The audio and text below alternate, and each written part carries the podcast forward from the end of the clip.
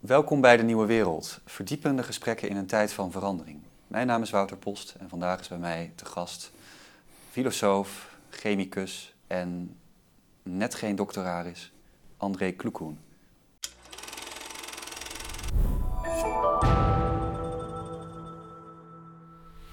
André, Wouter, goedemiddag.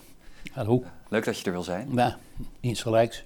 Uh, wij ontmoeten elkaar vorige week vrijdag in het Amsterdamse café De Zwart aan het Spui.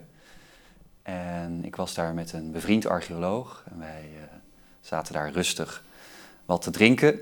En het barpersoneel uh, heeft de gewoonte om als het daar heel druk is, mensen die nog geen plaats hebben, een plaatsje te geven bij mensen die ze niet kennen. Dus uh, jij mocht bij ons plaatsnemen en er ontspon zich daar een gesprek over wetenschapsfilosofie. Ja, ik begon ermee te zeggen dat ik me nergens mee zou bemoeien, omdat ik als vreemde aan het tafeltje zat.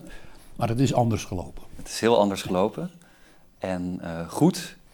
En het was een ontmoeting van geesten, van mensen uit twee verschillende paradigmata. je zou kunnen zeggen jonge mensen. Ik ben zelf net 33 geworden. Jij loopt al wat langer mee.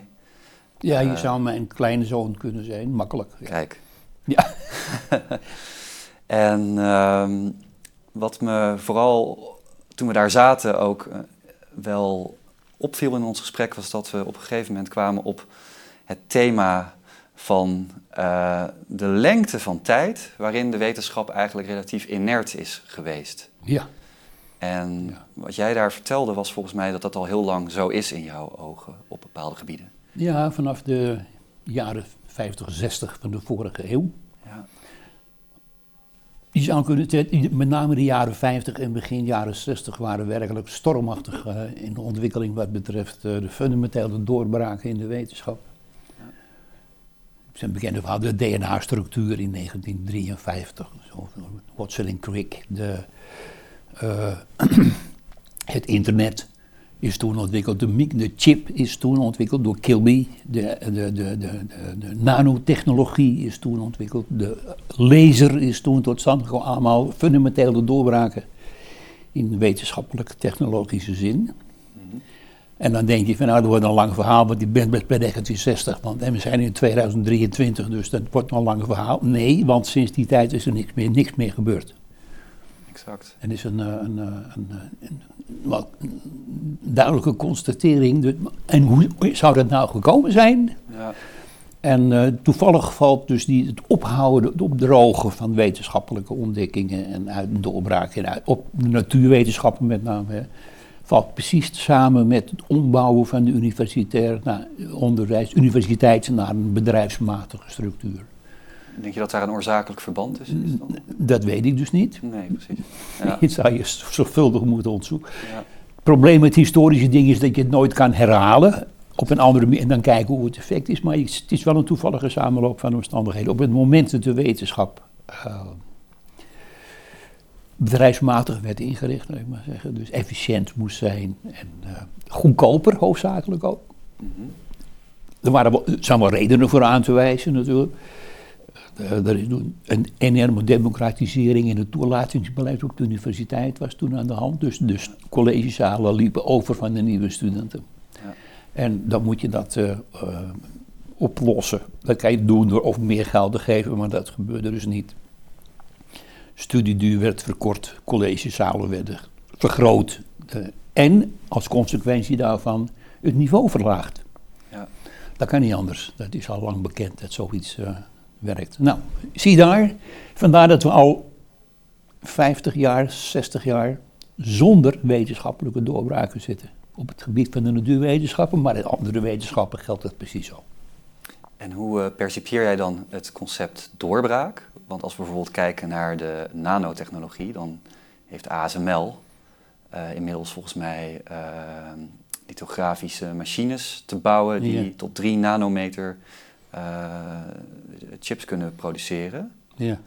Um, er zijn ook wel wat andere terreinen waarop enorme vooruitgang is geboekt. Ja. Wat is nou precies het verschil dan tussen vooruitgang en fundamentele doorbraak? Nou, het, het, het kleiner maken van de chips. Ja. Dus ik kom nog uit de tijd dat in mijn laboratorium een hele wand vol stond met één machine. En dat was dan dat waar, je, waar je mee moest rekenen. En die ratelend was je uren bezig om iets uit te rekenen. En nu gaat het in no time en het is zo'n dingetje waar dat allemaal doet. Dus de snelheid en de, en de, en de, en de, en de, de, de formaten zijn allemaal kleiner en sneller geworden. Maar geen doorbraak natuurlijk, want het is nog precies hetzelfde principe waarop dat gebaseerd is. En het geldt voor al deze wetenschappelijke kwesties. Ja. Ik zeg altijd, als ik een verhaal vertel van, als, jullie, iemand een voorbeeld heeft van een wetenschappelijke doorbraak de laatste 50 jaar, vertel het me, ik ken hem niet. En het is mijn bezigheid om, daar ja, te precies. Ja. Als ik het niet weet, weet niemand het. Ze zeggen, oh ja, we hadden toch uh, Chaim met zijn, met zijn, uh, met zijn, uh, met zijn hoe heet het, dat, het materiaal. Mm -hmm. Carbeen, of zo heet het geloof ja. ik. Vind het heel, maar het is geen, het is, dat deed hij met een zacht potlood en een, en een plastic plakbandje. Ja. heel grappig, maar het was geen doorbraak. Of, of het Higgs-boson is ontdekt, zou je zeggen, nou, maar het is al in de jaren 30 van de vorige eeuw voorspeld. Door, het waren allemaal consequenties van veel eerder gedane doorbraken. Ja. Ik, weet, ik, ik ken ze niet, dus iemand het weet graag. Dus dat constaterende hebben we nu dus een bepaalde cultuur waarin we uh, vooruit moeten, misschien. Of we kunnen ook zeggen van we willen niet vooruit, maar laten we aannemen dat we ons als samenleving willen verbeteren. Uh, zou jij dan een advies hebben om het onderwijs op een andere manier in te richten, of misschien zelfs wel de hele samenleving, om uh, zo'n fundamentele doorbraak misschien wel eens te kunnen forceren. Ja, maar je weet ook niet of er nog. Kijk, eind van de, van de 19e eeuw, ja. of 120, 30 jaar geleden, mm -hmm. toen zaten we in eenzelfde soort situatie. Hè? Dus men dacht toen dat weer even de, de natuurwetenschappen beperkte, dat de wetenschap klaar was. Je had de wetten van Newton, waar alle mechanische processen in werden beschreven. Ja. Je had de wetten van Maxwell, alle energetische verschijnselen in werden beschreven. En dat was het.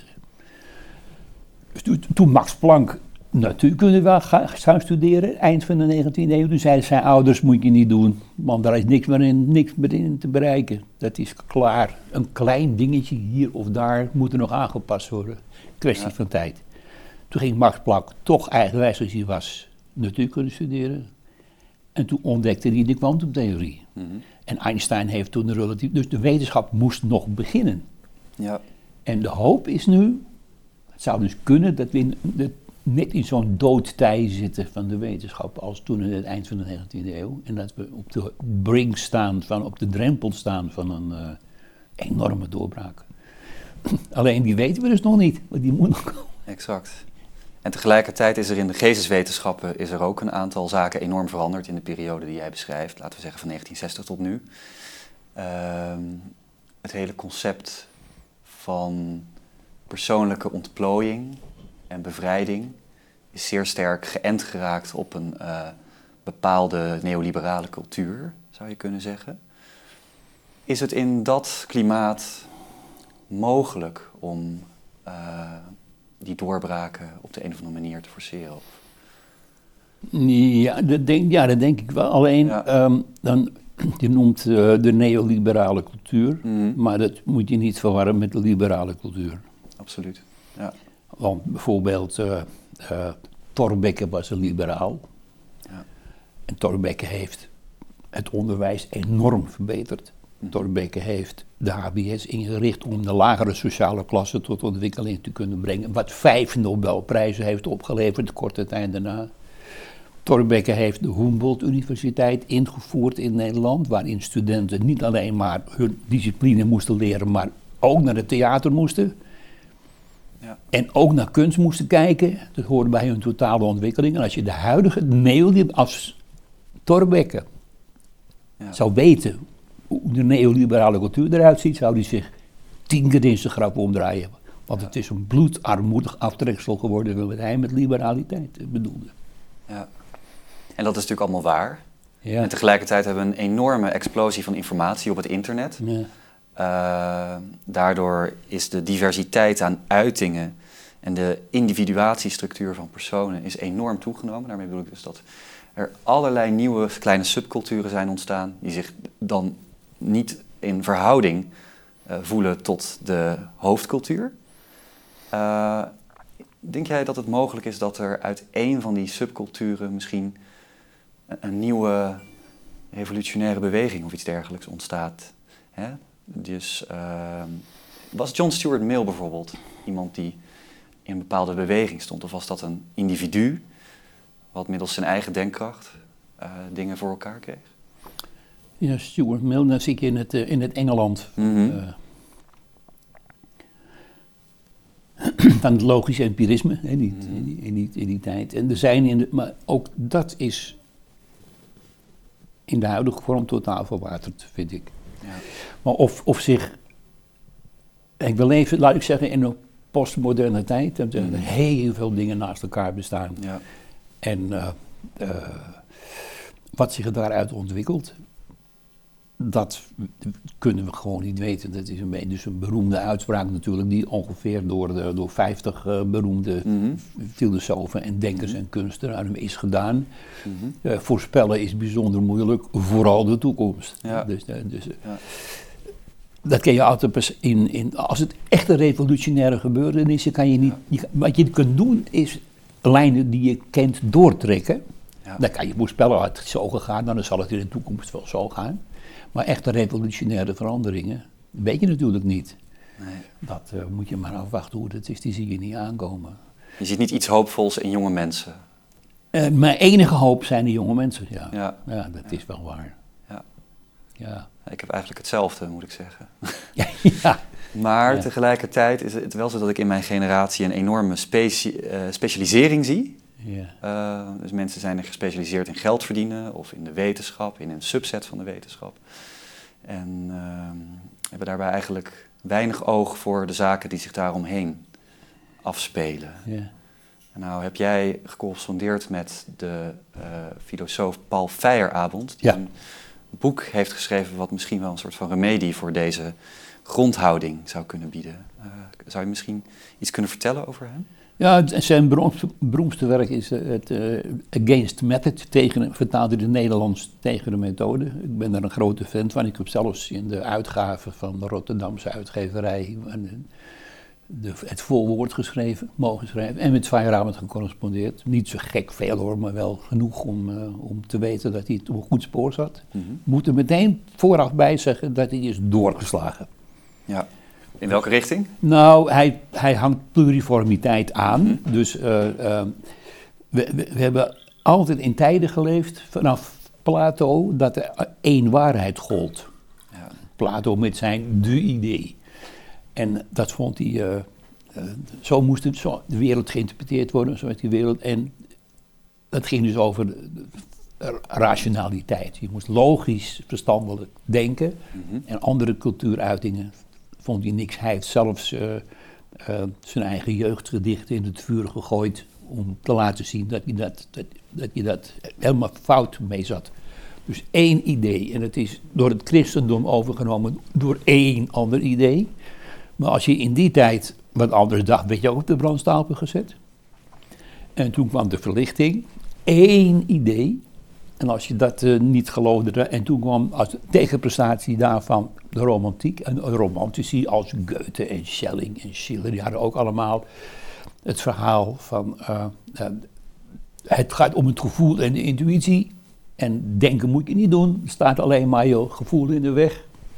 Dus de hele geschiedenis is een opeenvolging van één idee, wat de andere ideeën eh, wilde, wilde vernietigen, dus die je niet mocht hebben. En Feyerabend is een van de eerste die gezegd heeft van we moeten een pluriforme maatschappij. Dus al die ideeën zijn allemaal, hebben allemaal hun eigen deelwaarheid en zijn allemaal in hun eigen ge- gebiedje geldig. Mhm. En, het is, en die zetten elkaar niet in de weg. Dus we moeten een, eh, een cultuur hebben waarin al die bloemen naast elkaar kunnen bloeien en niet één onkruid wat alles overwoekert. Precies. Ja. Maar goed, hij is een beetje doorgeschoten omdat hij alles wel, eh, wel voor. Hij, dus niet alleen de Bijbel, maar ook mythen, zagen en legenden, sprookjes, waren ook allemaal legitieme eh, literaire basis voor een. eh, dat denk ik niet. We moeten ons beperken tot een aantal zinvolle bejegeningen van de wereld vanuit verschillende perspectieven. Als daar is de wetenschap zeker, heeft ons zeer veel opgeleverd aan eh, mogelijkheden. Anders hadden we niet kunnen telefoneren. En, niet, en niet, de kunst die een andere benadering van de werkelijkheid inhoudt, zijn de intuïtief, direct, uh, gevoelsmatig. En dan heb je de twee, die ook kloppen met onze hersenvormeling in twee hersenhelften die nauwelijks met elkaar verbonden zijn. Dus we hebben echt twee manieren om naar de wereld te kijken. En als je dat weet, dat je die twee manieren hebt, ja. dan moet je ook een soort van meta-manier hebben om met die twee manieren om te gaan. En dan ben je een filosoof. Ja. En als je filosoof bent, dan weet je dat we het meeste niet weten. En dan zit je in het gebied van de mystiek en dan heb je vier godsdienst, mystiek. Dan heb je vier kenwijzen, wetenschap, kunst, filosofie en mystiek. En dat zit, dus meer hoeft niet. Dan heb je alle gebieden wel bestreken volgens mij. En denk je dat moderne mensen met dit probleem om kunnen gaan? Want we hebben nu zoveel deelgebieden die allemaal hun aandacht vragen. Uh, allerlei culturele uitingen, overal geluid, muziek. Je zou het sensory overload kunnen noemen. Zeker. Uh, ja. en... Hoeveel politieke partijen hebben we in de Tweede Kamer en uh, waar je op kan stemmen allemaal binnenkort als je weer moet. Ja. Dus daar moet hoognodig structuur in komen, maar ja. het begin hebben we al meegemaakt. Dus de Partij van de Arbeid en GroenLinks gaan al samen. Nou, dat zal in de toekomst veel vaker moeten gebeuren. Dat mensen op een wat ruimer idee met elkaar gaan samenwerken in plaats van. Het geldt ook voor de kunst en de filosofie en de wetenschap. Zo, je kan niet iedereen alleen maar in je eigen wereldje leven. Mhm. En de rest allemaal voor gek, ziek of, uh, of uh, dom verklaren, omdat ze wat anders vinden. Ja, precies. Ja. ja, ik merk in mijn generatie dat dat idee eigenlijk helemaal geen uh, aftrek vindt, of nauwelijks. Dus we zijn hier in een nieuwe wereld, zijn we natuurlijk bezig met filosofische problemen. Uh, ik woon zelf in Amsterdam Centrum, net als jij. En ik spreek daar veel schrijvers en rechtsfilosofen en archeologen en allemaal mensen van mijn leeftijd, hoog opgeleid. En wat ik eigenlijk merk is dat zij geen van alle, het is een beetje cruel om dit zo te zeggen, maar het, het, het, bezig zijn met het probleem wat je schetst. Niet? Niet, nee. En dat bijvoorbeeld de theorie van René Girard, van mimesis, dus uh, de manipulatie van verlangen, dat uh, vooral dat eigenlijk de belangrijkste, uh, het belangrijkste eikpunt is van, van het gedrag van jonge mensen. Dus dat, Zeer... Leg eens iets nader uit, die, eh, die mimesis van de Girard. Uh, Girard die heeft het dus over de, het, het, het, verlangen bij mensen. Dat is natuurlijk een construct. Dat is, dat is iets wat door invloeden van buitenaf uh, bepaald wordt. En uh, de vraag is, wat bepaalt wat jouw verlangen is? En ik heb de indruk dat mensen in mijn generatie verlangens hebben die, die, die zeer artificieel zijn. En die te maken hebben met die mediawereld en, uh, waarin wij leven. Uh, dat dat ze als het ware ontworteld zijn of onthecht. Of, uh, natuurlijk moet je het niet zo zwart-wit zien. Hè? Dus, want je kan natuurlijk ook heerlijk zweven in ehm, het verband tussen de media die we hebben. Bijvoorbeeld een prachtige Netflix-serie en je eigen dagelijks leven. Maar ook dat verband wordt niet gemaakt, want de mensen worden naar die Netflix-film of serie getrokken en, en en hun innerlijk leven, hun gevoelsleven, hun hele leven begint zich af te spelen in, in die sfeer van virtualiteit. Een soort van detachering van je eigen uh, levenssfeer. Ja, en dat verlangen beperkt zich dan ook tot verlangen naar dingen als roem of, of, of, Bijvoorbeeld. of, of geld of, of, macht. Of, ja. Uh, dus de vraag is, dat begint natuurlijk al op hele jonge leeftijd. Hè? Dus ver voor de universiteit zijn er structuren aangelegd in het gedrag van jonge mensen die ertoe leiden dat ze een bepaalde keuze maken. Bijvoorbeeld ook dat ze op de universiteit, als ze 18 zijn, zoals in mijn generatie veel al het geval is geweest, bestuurskunde gaan studeren en niet uh, Hebreeuws. Of, ja. ja. dus dat in die zin de samenleving een bepaalde mal in wordt geleid, of een trechter. Of ja. Daar begint het inderdaad al, ja. En, ja. Dus, dus, we kunnen natuurlijk op universitair niveau wel allerlei dingen gaan aanpassen, maar... Was, was dat maar waar. Het begon het daar vast mee, dat we dat in ieder geval op de universiteit... Er zijn pogingen, uh, bijvoorbeeld uh, zo'n studierichting als liberal arts and sciences, Mhm. die een twee, één of tweejarige opleiding aanbiedt, waarin je niet hoeft te kiezen wat je specialisme is, maar je Mhm. alles krijgt aangeboden. Filosofie en, en, en, en, en literatuur en ook, ook een wisse natuurkundige disciplines. En dat je daaruit je belangstelling dan kan kiezen en dan langzamerhand in gaat stromen in Ja. een specialistische. Dat is een, een, een begin. Mhm. Maar er is ook geen. Voor die tijd was er ook helemaal niks op de universiteit, waardoor je je globaal kon oriënteren, globaal je mening kon vormen. Dat is pas eh, sinds kort en het, volgens mij bloeien die studierichtingen wel, maar, het is, Ja. maar dat had toch veel eerder moeten beginnen Ja. natuurlijk, op, op de lagere school voor mij part. eh, Ja. dat, men, dat mensen een, een, een inzicht in een cultuur moeten krijgen Ja.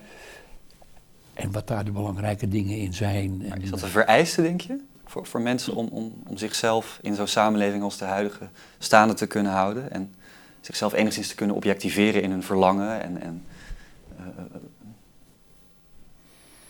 Ik denk dat onderwijs, onderwijs is het belangrijkste. Ik Mhm. zou, ja, je zou het in het gezin moeten gaan zoeken, dat Ja. de ouders daar historisch gezien een belangrijke Ja. bijdrage hebben aan de vorming van hun kinderen. Mhm. Maar dat steekt me niet zo hoopvol. nee. En in de klassieke oudheid hadden we het eh, quadrivium. Ja, Dus wat, waar, waar ja het heette, uit? het heette nog, nog, nog, nog, niet zo. Maar Nee, het. Ja. het is in de middeleeuwen pas quadrivium gaan heten. Maar dat waren Ja. dus de vier studierichtingen. ja. eh, rekenkunde, meetkunde, eh, astronomie en muziek. Dus men moest zich in de muziek kwalificeren. Dat laatste is wel heel interessant, toch? Hè? Dat muziek dan zo centraal staat in Ja. eh, een bepaalde denk- trant. Eh, ja, dat, en dat is eh, iets wat we bijvoorbeeld kwijt zijn geraakt. Hoe Ja. centraal muziek in de wereld staat. Hoe, wat het ons...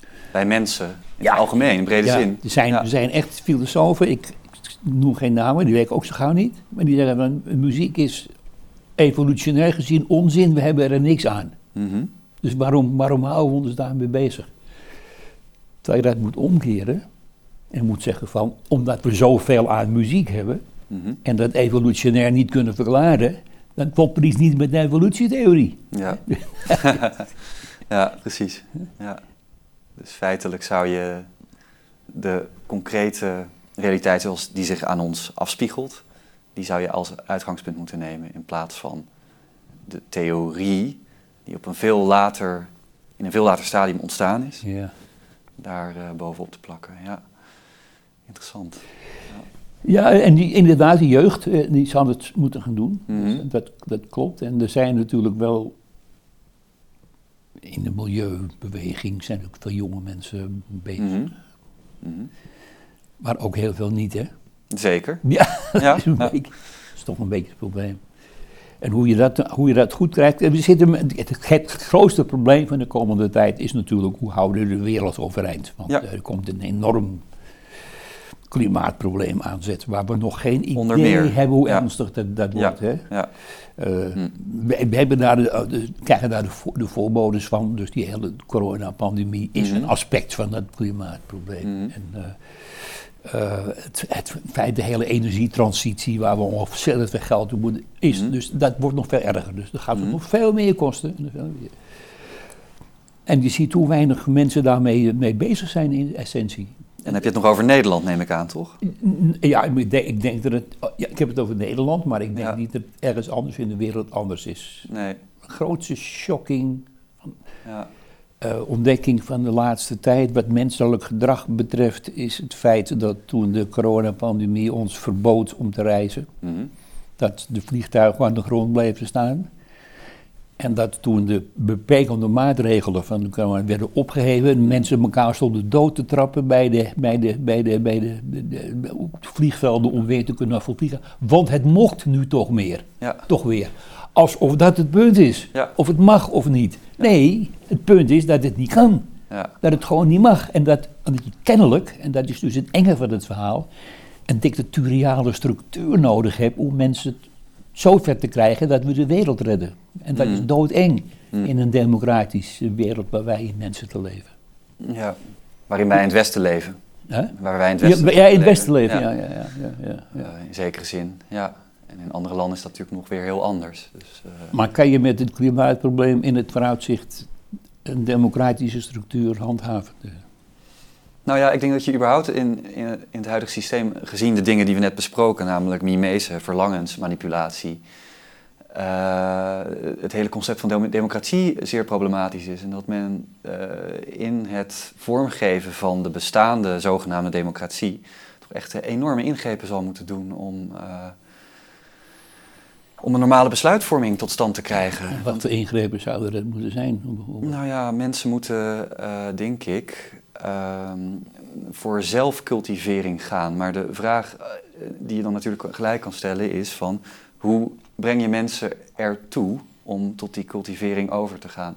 Ja. En hoezeer, hoeverre kan je nog spreken van autonome wil? Is die autonome wil belangrijk in die context? Nou ja.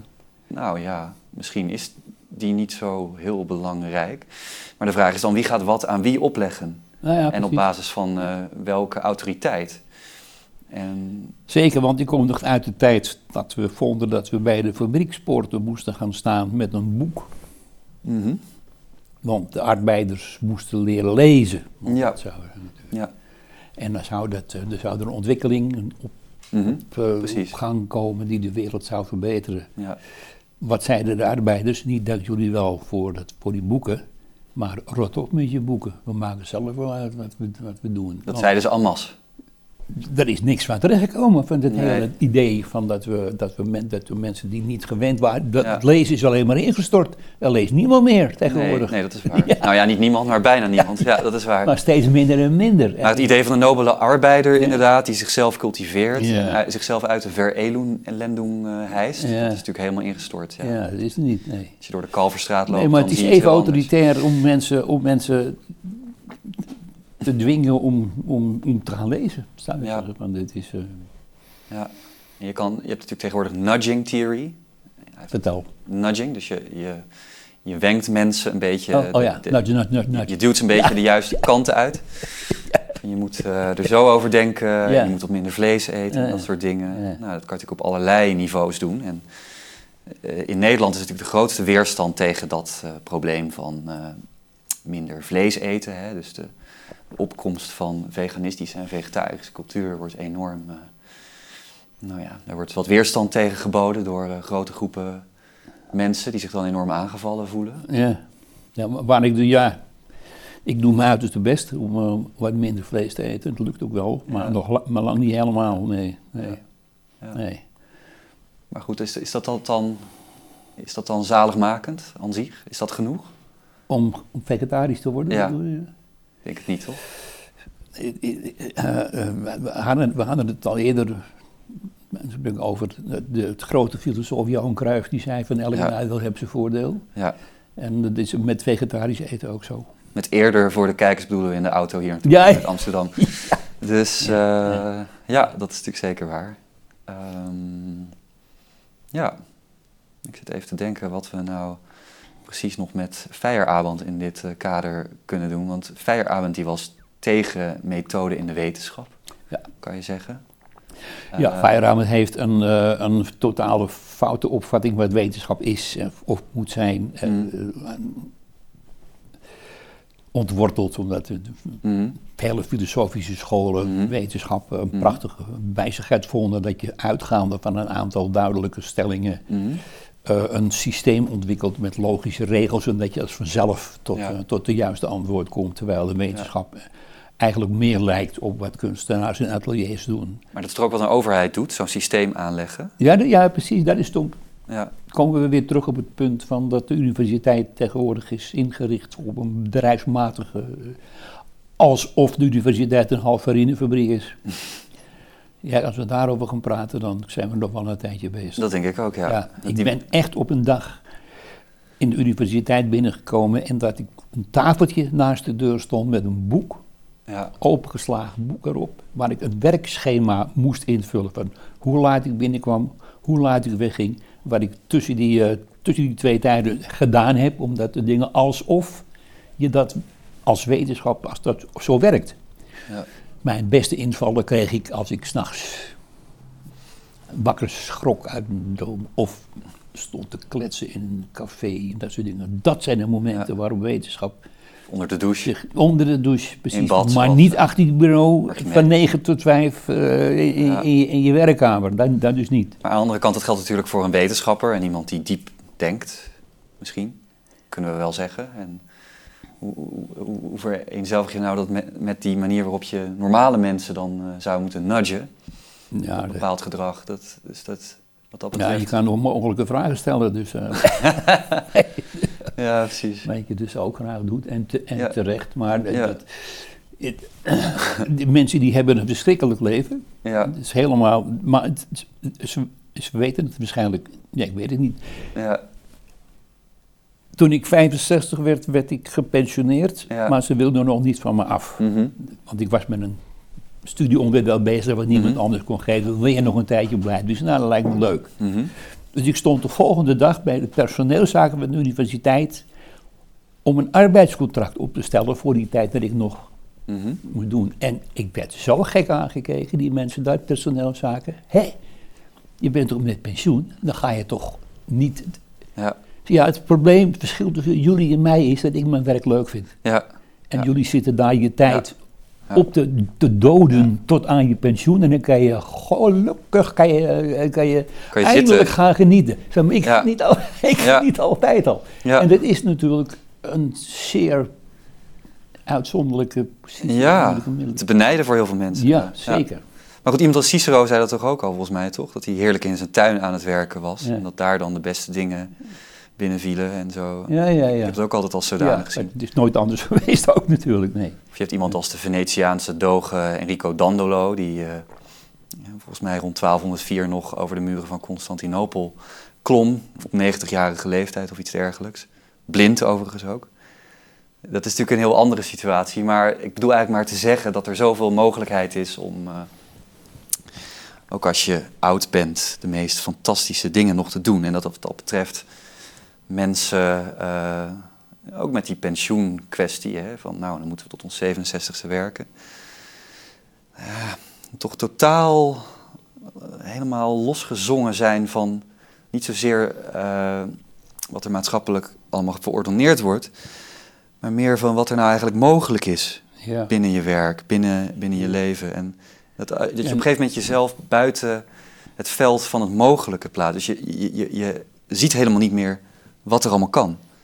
Dus Nee, en dat kon je ook nog niet weten. Dus Nee. het probleem is, ja, een van de problemen is, dat hebben we natuurlijk aan Drees te danken, dat we met 65 met pensioen, ik nog met pensioen Ja. konden. En dat ik dat helemaal niet leuk vond, want ik bleef liever op de universiteit werken. ja, Maar de mensen die vervelend werk hebben, die blij zijn dat ze ophouden, die weten dan ook niet meer wat ze moeten doen. Die zeggen van, eh, ja, dan gaan we genieten. Zeg, ja, maar wat, wat bedoel je Waarvan nou dan? Precies, wa- ja, wat doe je nou? Ja, genieten. ja, Genieten is niet werken dan. ja, Daar blijkt het te zijn, maar dan val je in een enorm gat. ja, Dus eh, over, eh, over het, elk nadeel gesproken wat voordeel heeft. Dus die pensioen is voor de, hele, voor de meeste mensen helemaal niet zo leuk. nee. Ja, en die hele structuur van het pensioen wordt natuurlijk ook gekoppeld dan aan geluk inderdaad. En dan is er ook een hele discussie omheen met mensen die dat dan allemaal zelf willen kunnen inrichten. Dus die eh, de vrijheid willen hebben om dat pensioen op een bepaald moment te kunnen kiezen. En die zeggen dan van, ik wil niet dat de staat zich daarin mengt en dergelijke. Eh, terwijl je dan eigenlijk al in de verkeerde denktrand zit, misschien niet waar. Dus je, eh, nou ja, je, gaat, je gaat je gelukpositie als het ware van dat pensioen af laten hangen. Eh, ik, ik heb het gevoel dat jonge mensen daar ook al op die, moment, op die manier nu naar kijken, over het algemeen. In, eh, in Amsterdam dan, eh, waar ik woon. Dus daar is niet het, als het ware het centraal stellen van een soort van de staat bepaalt mijn leven van wieg tot graf. Dat dat eigenlijk niet meer, steeds minder iets is wat in vraag wordt gesteld. Terwijl het bijvoorbeeld in de jaren zeventig wel heel erg toch centraal stond. Ja, Maar- dus ze kiezen bezigheid tijdens Ja. je leven, wat, je, wat niet van je pensioenleeftijd afhangt. Ja, En waar je mee door kan gaan Ja. als zinvolle ja, bezigheid in je leven. Nou, word schrijver bijvoorbeeld. ja, precies.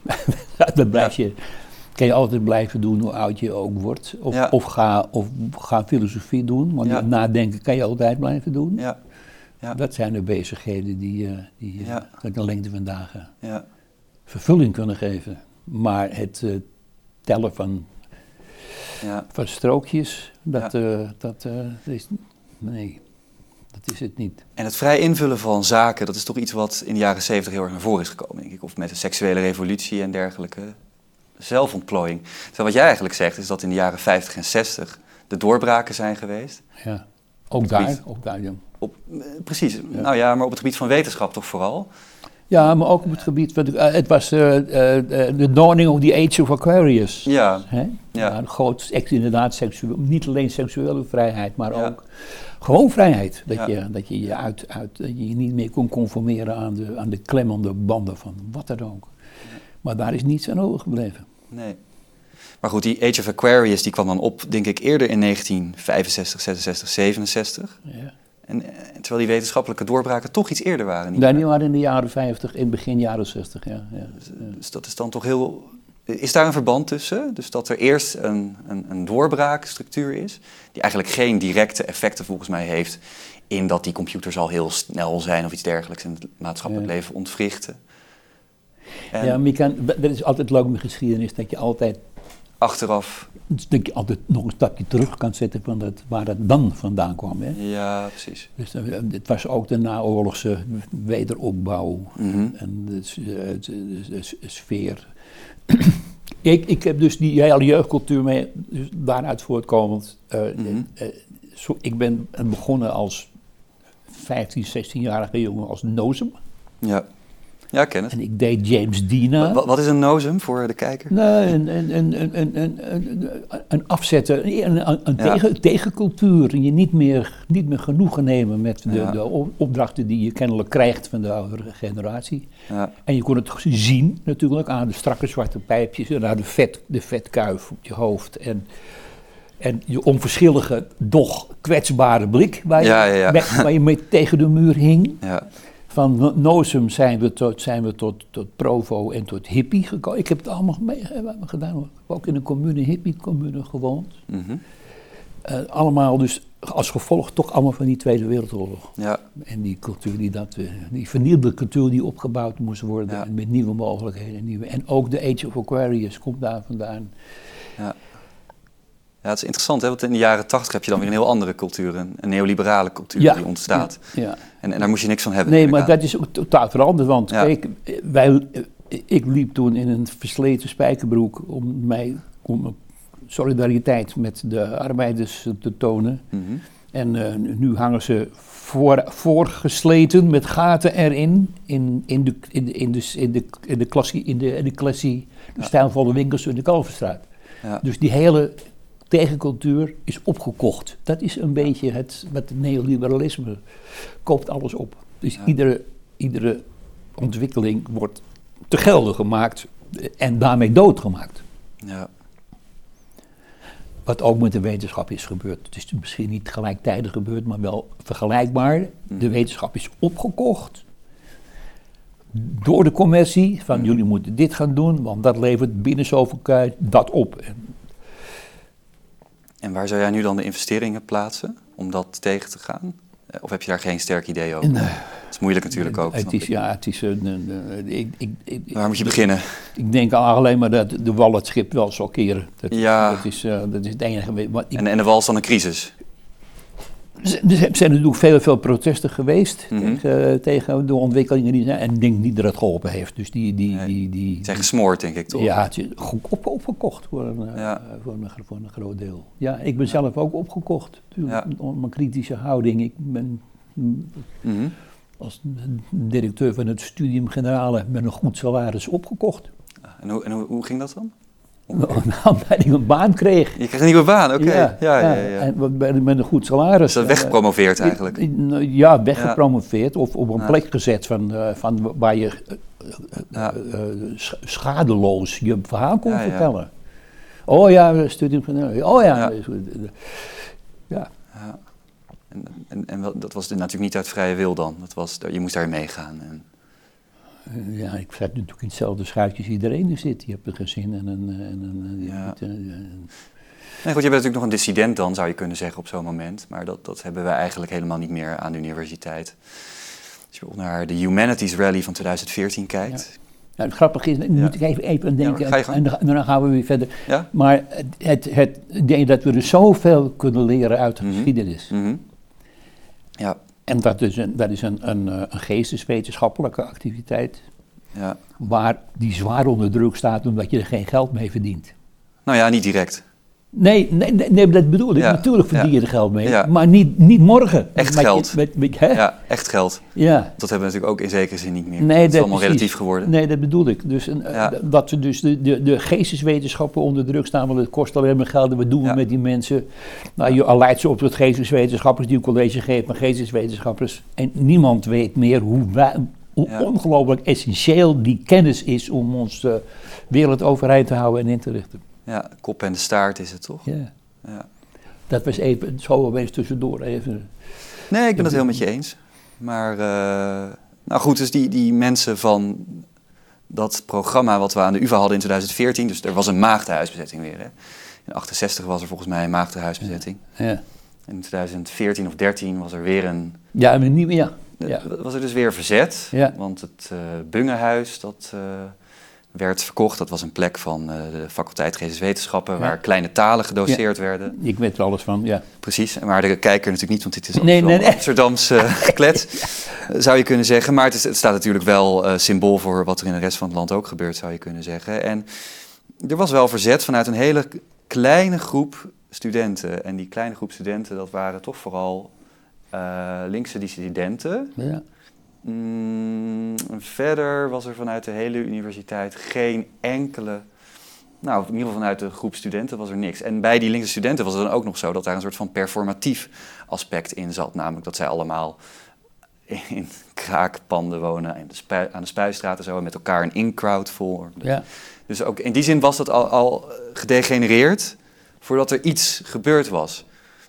En eh, dus, dus er wordt eigenlijk heel veel gesmoord, heb ik de indruk, Ja, ja, de afgelopen. Ik heb er nog een, in het Maardenhuis nog een lezing gegeven. Destijds? Tijdens bezetting, ja. En, was dat, hoe, voelde dat? Eh, eh, nou, ja, leuk, ja. Ja, ja, ja. ja, maar, het was, ja, ja, maar het zag er niet echt hoopvol uit. Nee, hè? Dat, dat echt fundamenteel zo. Die hele studenteninspraak, zo, die is er niet meer. nee.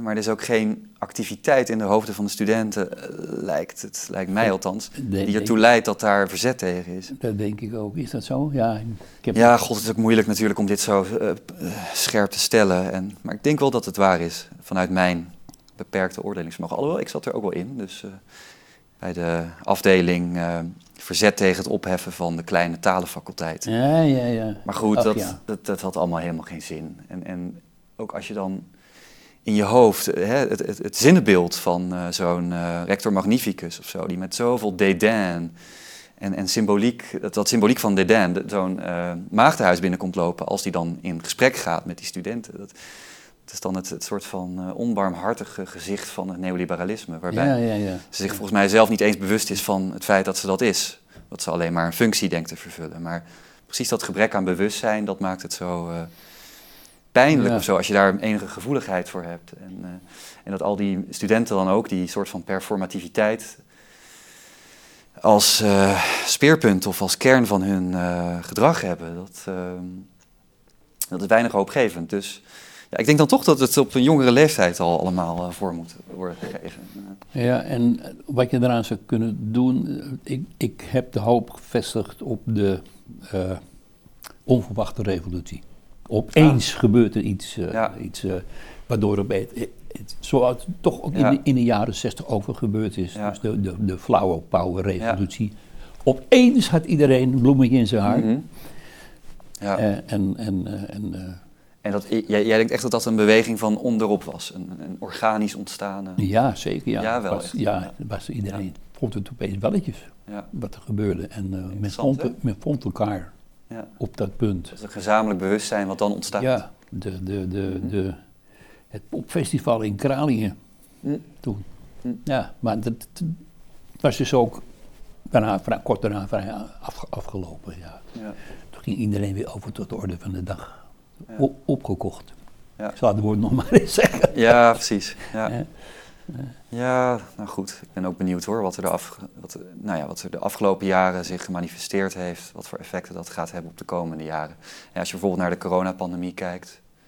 Dat, eh, ook de, de, de, versnelling eigenlijk van de, de creatie van een situatie waarin mensen de hele tijd vanuit huis werken. Ja. Steeds minder contact eigenlijk Ja. hebben met andere mensen. ja. Eh, wat dat ook voor de academische grondhouding doet. En eh, dus, dus je ziet heel veel kamergeleerden die nog meer kamergeleerden worden dan ze al waren. Om het heel zacht uit te drukken.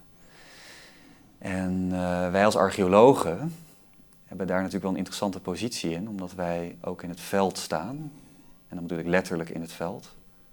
Ehm, en bovendien, ehm, bijvoorbeeld in Zuid-Europa dan op locatie met mensen praten. Dus je, je, je, verhoudt je als het ware tot concrete, reële menselijke uitingen van, van normale mensen. Terwijl tegenwoordig mensen op de universiteit steeds meer in een cocon lijken te geraken. En, eh, dus wat jij ook zegt, hun, je, je, je faculteit, dat is waar je werkt, leeft. Uh, maar waar, waar, je, je, hele geestesleven, je geestelijk leven speelt zich ook daar af. Ja, ja. En dat, ik, ik, zie nog geen oplossing hoe, hoe, we daar dan uitkomen. Maar in ieder geval wel, denk ik dat essentieel is dat er groot verzet is tegen die uh, mediaficatie van, uh, van het dagelijks leven, van, van, van menselijke interactie. En daar nog iets aan toevoegend wil ik ook even wijzen, ik wil de kijkers er graag op wijzen dat André een uh, eigen site heeft. Uh, André Kloekhoen. .nl, ja, ja, ja, zeker. Aan elkaar de andere Kloekhoen.nl. En, en, jij probeert die twee dingen volgens mij samen te brengen. Uh, dus mensen tot jou te brengen, middels jouw site. Ja. Dus dan hebben we dus de mediaficatie in symbiose met het... Uh, ja, maar het is, wij, ik, het is geen verdienmodel. Je Mhm. kan er gratis in en er staat... Mm -hmm. Mijn hele werk staat erop en je kan daarop reageren, lezen en je krijgt ook nog antwoord als je een vraag hebt. En, en, en wat, wat, is er geschreven? Tot nog toe? Nou, het, is, het, het zijn 2000 bladzijden bij, ah. bij elkaar en het, uh, het, uh, het, ontstaansproces is uh, ik zo verder interessant dat ik begonnen ben met boeken te schrijven. Die boeken dan bij elkaar heb gevoegd tot ja. een groter geheel, tot een oeuvre met een eigen met een eigen rode draad. En, en daaruit de boeken tevoorschijn zijn gekomen. Die, dus het is een permanent heen en weer pendelen tussen uh, boeken schrijven en een oeuvre bouwen. En dat, zo is het tot stand gekomen. En uh, ik, ik, stel dat gratis ter beschikking aan de hele mensheid. Ja, ja. Dus mensen kunnen inloggen op jouw site, ja. commentaar leveren of vragen stellen, ja. begreep ik. Ja. ja. Het is een mooie site geworden, dus ik heb er geen verstand van. Het is gedaan door een zeer kundig iemand. Die, uh, die kan het hele site over manoeuvreren. En zoekfuncties en wat ik allemaal heb, geweldig. Dus uh, je hebt een, de site op zich is al een, en heb je al enige interactie gehad met mensen daarover? Weinig, Weinig. want uh, het staat er nog niet zo lang op. Nee. En, en, en uh, het leuke is natuurlijk dat, uh, dat ik dagelijks nog aan, aan werk. Mm -hmm. als je een boek maakt, dan komt het van de pers af en het, je slaat het open en Mhm. je mm -hmm. steekt je neus in het boek. En het eerste wat je ziet is een drukfout. Mm -hmm. Nou, dat gebeurt mij dus ook. Maar dan zeg ik, yes, dan verbeter ik dat. Of iets vergeten aanvullen. Dus het, boek is, het is geen afboek, het is permanent in ontwikkeling. Ja. En uh, iedereen die zich daarvoor interesseert, kan daar getuige van zijn en daaraan bijdragen en uh, van meegenieten. En, dus dat is dan eigenlijk ook weer in lijn met jouw uh, liefde voor de methode van Paul Feyerabend, ja. namelijk tegen de methode. Ja, tegen de, ja, tegen de methode, ja. ja, ja, ja. Uitgevers moeten er niet aan denken dat het een succes wordt, want geen uitgever die meer een cent verdient dan. Ja. Want alles staat dan op het internet en iedereen kan daar om niet gebruik van maken. Ja. Maar het boek zal altijd wel, dat is natuurlijk een beetje een overdreven. Het boek zal altijd mm -hmm. uh, in, in, in, een apart medium blijven. Mm -hmm. En toen, eh, zo rond 1990 volgens mij het internet opkwam, ja. had jij toen hoop dat de decentrale aard daarvan ons zou bevrijden uit de ketenen van het neoliberale Ja, nou raak je een heel gevoelig punt aan. Oh jee. Ja, want het is natuurlijk verschrikkelijk om. Kijk, ik heb dus als fysisch chemicus een wetenschappelijk onderzoek Ja. eh, in de halfgeleiders gezeten. Ja. De halfgeleiders, dat was het begin van de computer. Ja. En zoals altijd met die, met die wetenschappelijke ontwikkelingen dachten we daar de wereld fundamenteel mee te veranderen. Ja. Dus de televisie. Ja. Iedereen kon op ieder moment, waar dan ook, zien wat er in de wereld gebeurde. Revoluties, vulkaanuitbarstingen. Mhm. dus, dus het culturele, to- het was geweldig. Mhm. Dat zou toch een fundamentele verandering in de wereld maken. Wat is het geworden, Wouter? Wat het geworden is dat ik honderd netten op mijn televisietoestel heb, Ja. die allemaal, zonder enige uitzondering, vrijwel geheel gevuld zijn met bagger. ja, dat ben ik met je eens. Eh, welke boer er een vrouw zoekt. Ja. Wie er het lekkerste kan bakken. Ja. Eh, eh, de slimste mens, wat de domste mens is. Want hoe slimmer een mens is, hoe minder wijs hij wordt. Hè. Als je Mhm. weet wie de Tour de France heeft gewonnen in 1984, dan weet je de andere dingen weer helemaal niet. Dus Ja. Het is echt de grootste krenking van mijn wetenschappelijke ontwikkeling. Dat het, die waanzinnige doorbraak ja. tot dat heeft geleid. Ja. We hebben niet eens genoeg materiaal om één zender gedurende één hele dag te vullen. Voor de rest zijn er allemaal sitcoms en allemaal. Andere, zitten, mensen zitten te kijken naar de flauwekul van anderen. Ja, eens. Ja. Ja, nou ja, goed. eh, Toch is er denk ik nog de mogelijkheid van een cultuurverandering. En eh, door het adresseren van deze feiten alleen al. En wellicht kunnen we daar dan eh, over tien jaar met enig plezier op terugkijken. Ja, want dit is ook televisie, bedoel je? Nou ja, zeker. Ja. De, de nieuwe wereld is volgens mij precies Ja. uitgevonden om dit probleem op te lossen. Ja, Dus, eh, en misschien moeten we het daar dan eh, voor deze uitzending dan nog maar even bij laten. Heel veel dank dat je er wilde zijn. Heel graag. En, en wederzijds. Hè? Dank. En eh, voor nu een eh, prettige middag, avond of ochtend gewenst aan de kijker.